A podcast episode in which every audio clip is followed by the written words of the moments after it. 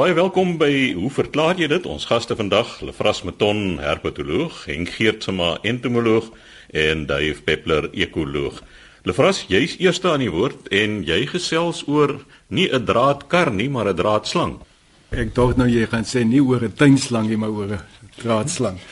Dit laat my dink ek het jare gelede in 'n museum gewerk by die universiteit en nou kom maar 'n klomp skoolkindertjies aan, nou het ek 'n klomp lewendige slange daarso.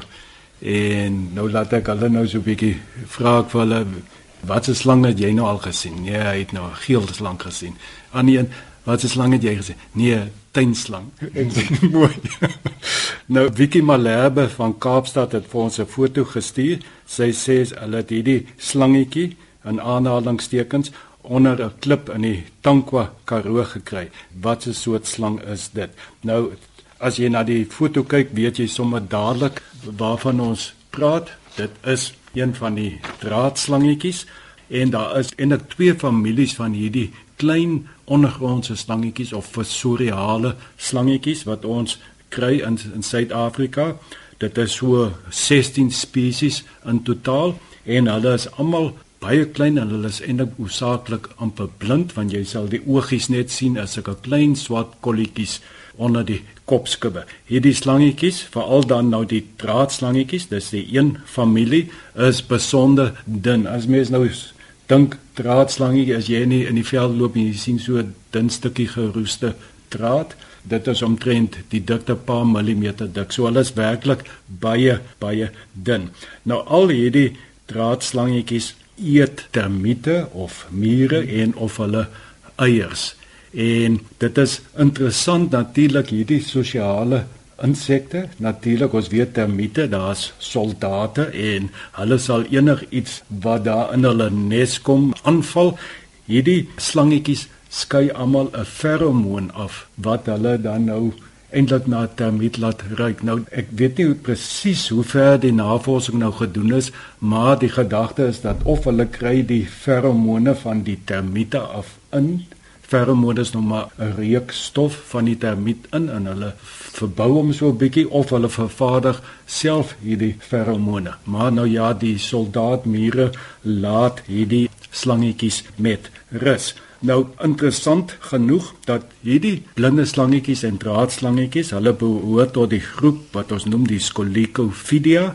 Dit is aan die basis van die slangstamboom. Dit is die mees primitiewe slange wat mens kry op die aarde. Nou as mens nou dink aan ander slange, die ander groep slange, dit is nou die slange wat ons ken wat nou boogronds voorkom, hulle het goed ontwikkelde oë en hierdie slange is basies blind, dan kon hierdie blinde slangetjies dan nou nie die voorvader gewees het van die ander slange. Hulle moes 'n gemeenskaplike voorvader gewees het. So slange moes redelik vroeg weer boogronds begin lewe het en hierdie het natuurlik dan nou lange ondergronds gebly. Van die wêreld se kleinste slangetjies behoort tot hierdie groep, die familie Leptodiplopidae. Ons praat hierso van 10 cm is 104 mm soos basies 10 cm en nou vir 'n slangetjie dit is baie baie kort en is natuurlik nog ontsettend dun ook. Vir my 'n interessante aspek van hierdie blinde slange of draadslangetjies is dat die eerste of van die eerste slange wat in Suid-Afrika beskryf is is een van hierdie slangetjies. En dit is 1838 die Andrew Smith, ek dink julle sal weet, 'n groot natuurwetenskaplike 1838 reeds die eerste slangie beskryf hier van die Kaapstad omgewing en wat nou so vreemd is. Ongelukkig is daardie slang wat hy beskryf het, een van hierdie blinde slangetjies is 'n uitheemse slang. Dit is 'n indringer slang. Mens kan nie dink dat al in daardie jare van hierdie indringer spesies al reeds teenwoordig was nie. Dit is die sogenaamde blompot slang en hierso in die Kaap is daar populasie van hom en dan ook ja Kaap, Woester, Porterville is al populasies gekry en dan ook in Durban en natuurlik baie ander dele oor die wêreld is daar van hierdie slangetjies gekry. Nou, mense sal nou dink nou maar, hoekom nou so? En die rede daarvoor is dat hierdie slangetjie, die blompotslangetjie is een van daardie diere wat parthenogeneties kan voortplant. Met ander woorde, die hele populasie bestaan net uit wyfies. En daar's nie mannetjies nodig nie. Met ander woorde, al is dit nou net een individu wat versprei, dan kan hy 'n nuwe populasie vestig. Nou, omdat hierdie slangetjies in humusryke grond voorkom en dit verkies word hulle natuurlik nou baie maklik saam met potplante en kompos versprei en soos ek sê een net een slangetjie is nodig dan kan dit 'n nuwe populasie vorm. So ek dink hierdie groep slange is nie aldag dat mense hulle raak sien nie. Ek het as kind baie gehoor van ertslangetjies en dit is dan nou eintlik 'n goeie Afrikaanse naam vir hierdie groep slange, die draadslangetjies en die blinde slangetjies. Maar ek is bevrees, soos ons al voorheen ook gesê, dat ook baie pootlose akedisse wat dan ook somme gereken word as erdslangetjies. En ons weet hulle is natuurlik 'n heel ander groep. Lefras ek onthou as jong nuuskierige kind die heel eerste slang wat ek ooit uitgeken het uit my boek was Leptotyphlops by Brownie. Nou Bibron lyk my het heelwat van hierdie spesies beskryf en ook in die akedisse en geitjies. Jy het gepraat van Smit wat hierdie slang beskryf het. As ek reg onthou, jy weet, as 'n dier of 'n plant wetenskaplik beskryf word, moet dit gedoen word in 'n tydskrif of in 'n boek. Nou, Smit se beskrywings baie kere word, ek sê nie sê betwyfel nie, maar hy het gepubliseer in 'n koerant wat heeltemal uitverband is met die wetenskaplike benadering. Lefras Meton, ons herpetoloog, en hoe verklaar jy dit? Is Henk Geertsma, ons entomoloog, volgende aan die woord? En Henk, jy gaan gesels oor onkruiddoders en galle, maar dis nou nie 'n mense gal wat jy hier in gedagte het nie. Baie interessante brief van Jannie Kemp en hy sê dit onlangs op die radio was daar 'n versoek oor hoe om eentjies uit te roei. En nou sê hy gebruik nou 'n sekere produk. Nou ongelukkig kan ek nie die handelsnaam noem nie. Maar die ding is die produk se aktiewe bestanddeel is glifosaat. Nou onlangs in die pers was daar 'n groot debat oor die gebruik van onkruiddoders en veral glifosaat. Nou kom mense voor 'n dag en hulle konsulteer natuurlik internet en nou sien ons dit hoe gevaarlik glifosaat eintlik is vir die mens self.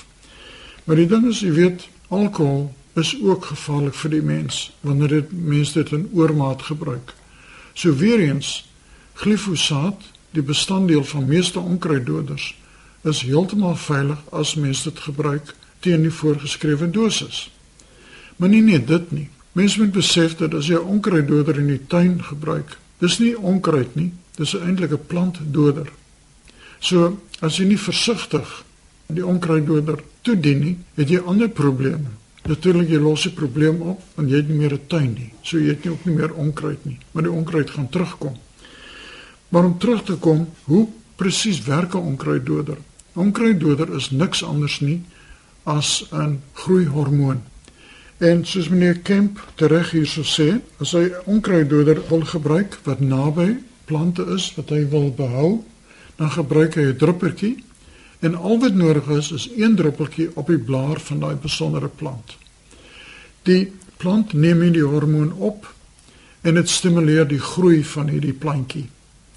Omdat die plant nou boogronds gestimuleer word om te groei, is daar groot druk op die wortelstelsel om voedingsstowwe en water uit die grond uit te onttrek. Die balans tussen die boogrondse deel en die ondergrondse deel word dan deur die onkruiddoder so versteur dat die plantjie verlep en uiteindelik doodgaan. En dit is eintlik 'n funksie of die werking van 'n onkruiddoder. Dit is nou eintlik vreemd dat die ondergrondse deel die wortelstelsel se groei dan nie gekoppel is aan die boonste deel se groei nie. Is dit nou aparte stelle hormone? Ja. As jy kyk na 'n plant se groei, sê jy sien dat byvoorbeeld die ontkieming vind plaas die eerste wortelstelsel wat ontwikkel en daarna die boogrondse stelsel. Onthou die boogrondse stelsel van die plant is nodig met fotosintese om voedingsstowwe wat teruggaan na die wortelstelsel te voer. Met ander woorde, die boogrondse deel onderhou die ondergrondse deel deur weer nutriënte te verskaf aan die wortelstelsel sodat hulle beter kan groei. So dis amper 'n vang wat noem ons 'n vang 22 situasie hierso. Maar dit is eintlik 'n werking van die onkruiddoder. En ek dink ek het in 'n vorige program een keer verwys na wat gebeur het in die Vrystaat. Hoe toe daar onkruiddoder gespuit is teen mielielande waarvan die onkruiddoder oorgewaai het op aardappellande. Maar die betrokke maatskappy vir die aardappelboer gesê het, laat ons weet, ons het 'n fout gemaak. As jou oes nie na wense is nie, laat vir ons weet en ons sal vir jou kompenseer. Die boer het nooit laat weet nie want hy het die jaar 'n oes gehad soos hy nog nooit in sy lewe gehad het nie omdat die onkruiddoder was teen optimale fyn konsentrasies toegedien eintlik en nie teen die konsentrasie soos voorgeskryf om die plant te dood nie. So meneer Kemp, baie dankie vir die wenk.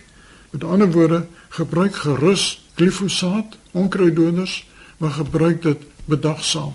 Dit kan giftig wees, dit kan goeie plante doodmaak, maar weer eens as mense dit gebruik volgens gebruiksaanwysings, doen dit. Ek wil net 'n punt hier noem. Meeste insekdoders het ook 'n los pamfletjie met instruksies met aanwysings wat om te doen. Nou haal mense die botteltjie met die gif uit die houertjie uit en jy die los papiertjie daarbey en met verloop van tyd raak die papiertjie weg. En jy weet naderhand nie meer wat is die regte konsentrasie teen watter soort insek jy moet gebruik nie.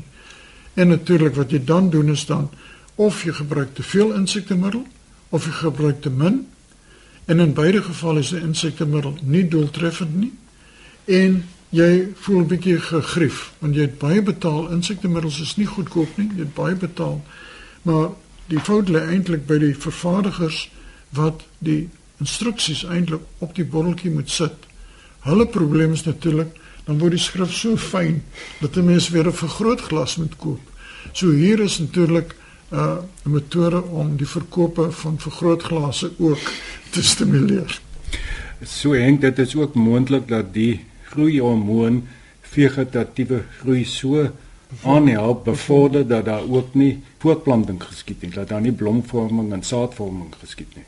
Nee, maar kyk, 'n blom vorm alleen as die voedingsstowwe voldoende is in die wortelstelsel. So die blare produseer en eintlik is 'n blom is wat ons noem in die ekologie 'n kostepunt. Dit kos vir 'n plant om blomme te vorm en om saad te vorm in die ekonomie van die plant. Wat ek probeer sê is dit verhoed dan eintlik as jy hierdie gifstowwe kan dit ook uh, blomvorming verhoed. Ja, en met ander woorde op daai manier word die plant nog verder uitgeroei. Ja, omdat die blare verlep.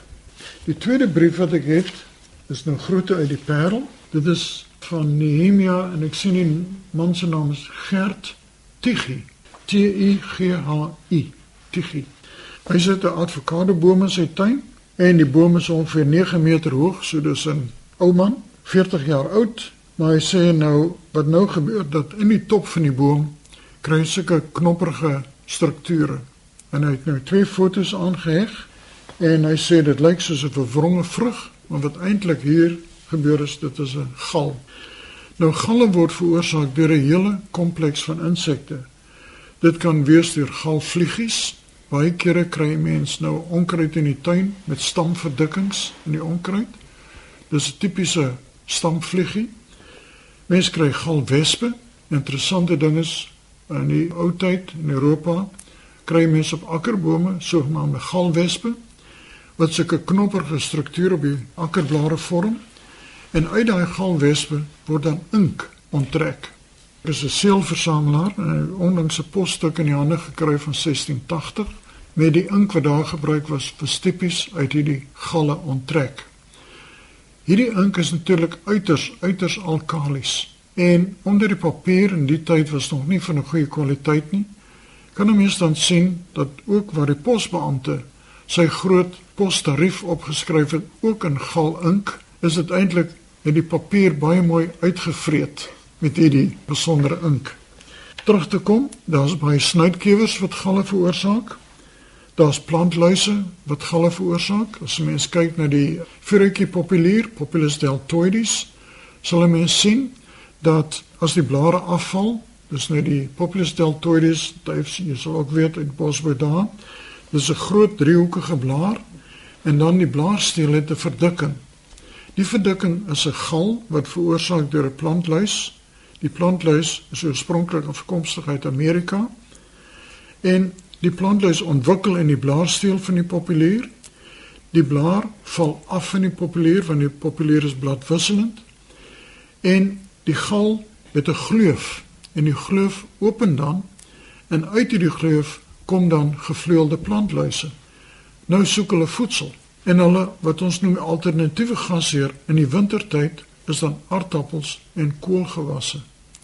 Waarop hulle dan voortplant en op die einde van die aardappel en kooltyd dan gaan hulle weer terug na die akkerbome wat intussen tyd weer blare ontwikkel het. Henk, die laaste stukkie wat jy nou gepraat het, laat my nou wonder is die gal die reaksie van die plant op die insek of is dit die insek wat die gal tot sy eie voordeel laat ontwikkel? Wanneer die insek 'n eiertjie lê binne in die plantweefsel en die larwetjie broei uit, dan skei die larwe sogenaamde oksine af. Nou oksine is 'n groeihormoon. So wat nou eintlik gebeur is, deurdat die groeihormoon op hierdie besondere plek afgeskei word, ontwikkel die plantweefsel en dit vorm dan 'n sogenaamde gal tot voordeel van die insek. Ook interessant, verskillende insekte veroorsaak verskillende soorte galle. Mens kan myte ook wat galle, byvoorbeeld proteas en so, en kry mens dikwels galvorming op proteas. Henk vir my van die pragtigste voorbeelde wat ek van hierdie galvorming het ek onlangs in Uganda gesien waar die whispering acacia waar mure die gal in die mik van die doring bou en dan hulle nesies daar bou en dan is dit 'n mutualisme. Die mure het blyplek en hulle pak almal wat vreet aan die plant aan aan die neus is 'n lieflike voorbeeld van die baie oulike gebruik van so 'n gal. Ja. Nou om terug te kom na Gert se probleem hierdie is 'n ouerige advokadoboom uh, mens vind gewoonlik dat die weerstand van die plant teen galvorming neem af met ouderdom van die plant, met lewenskragtigheid van die plant. So hierdie gal wat hier verskyn, gaan nie die eerste wees wat kom nie, daar sal meer wees wat gaan kom. Die gal natuurlik ontwikkel, die larwe binne in die gal verpop naderhand en op 'n manier vreet die larf wat verpop het as dit uit die papie uitkom, sy pad uit die gal om dan verder te galiniseer.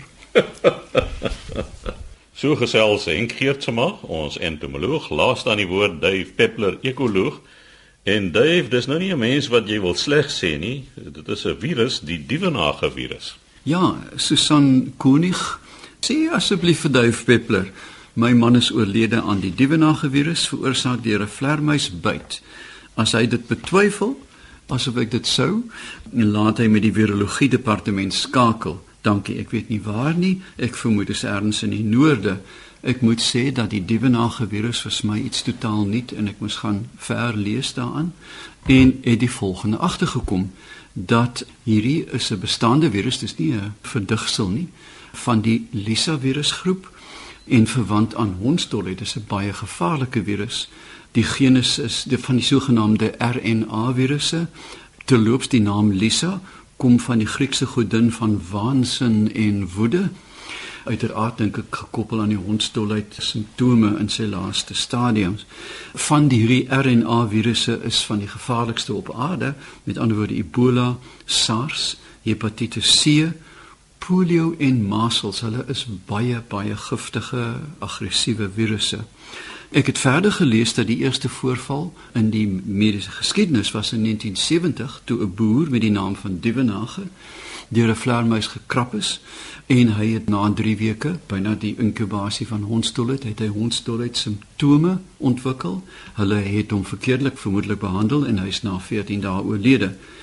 Toe in 2006, 26 nee, 36 jaar daarna binne 80 km van die oorspronklike byt is daar 'n tweede geval aangeteken met presies dieselfde so die locus van hierdie virus is baie beslis daar in Noordwes erns ek sê graag van Susan wil weet presies waar.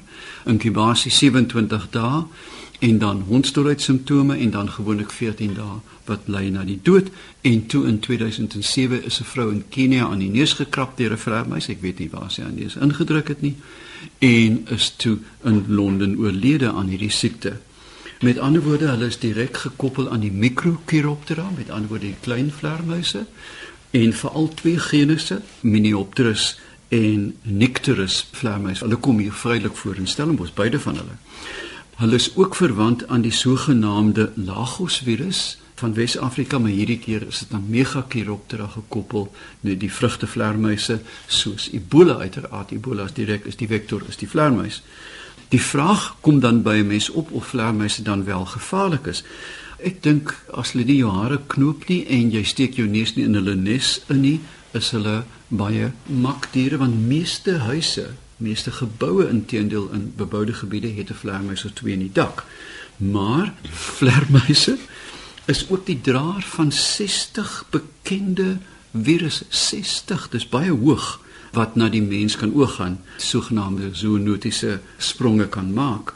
So daar is in die natuur twee groot reservoirs van oordraagbare virusse na die mens, dis die knaagdiere, die muise en rotte en dan die vleermuise.